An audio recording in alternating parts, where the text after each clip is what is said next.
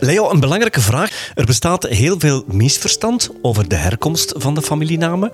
We hebben dat in vorige aflevering gelukkig al een beetje verklaard.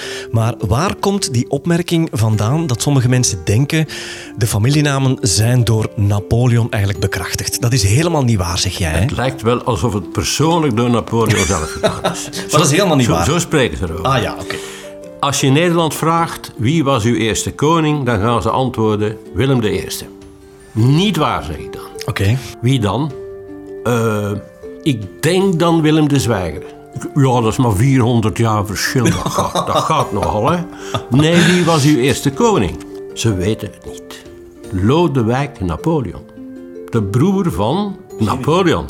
En Napoleon Bonaparte. Want dat was de familienaam in feite. Lodewijk Napoleon was getrouwd met, om het misverstand nog groter te maken, Louise de Beauharnais.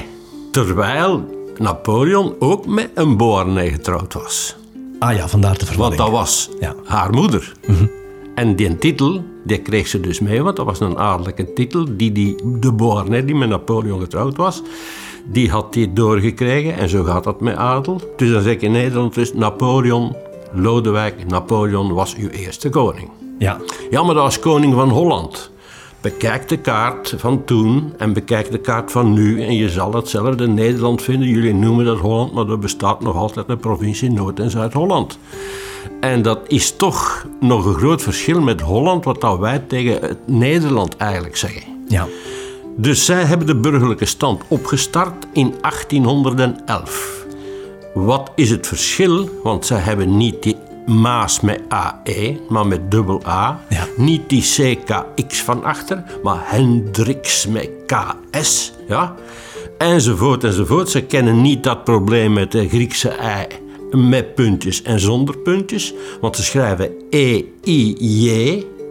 En ze spreken het ook uit, bijvoorbeeld heilen. En hoe komt dat? Omdat zij in 1800, ik denk 1805, het eerste woordenboek van de Nederlandse taal hebben. Dat is natuurlijk ontstaan om de Bijbelvertalingen uniform te maken door de protestanten.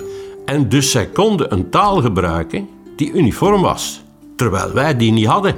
Want de Fransen zijn hier binnengevallen in 1797 en hebben uiteindelijk in het begin dat ingepikt ten koste van de Oostenrijkers, want wij waren Oost, de Oostenrijkse Nederlanden onder Leopold, want Jozef II was ondertussen overleden. En dus eh, na een jaar heeft men België, wat nu België heet, moeten afstaan, de Oostenrijkse Nederlanden, aan Frankrijk.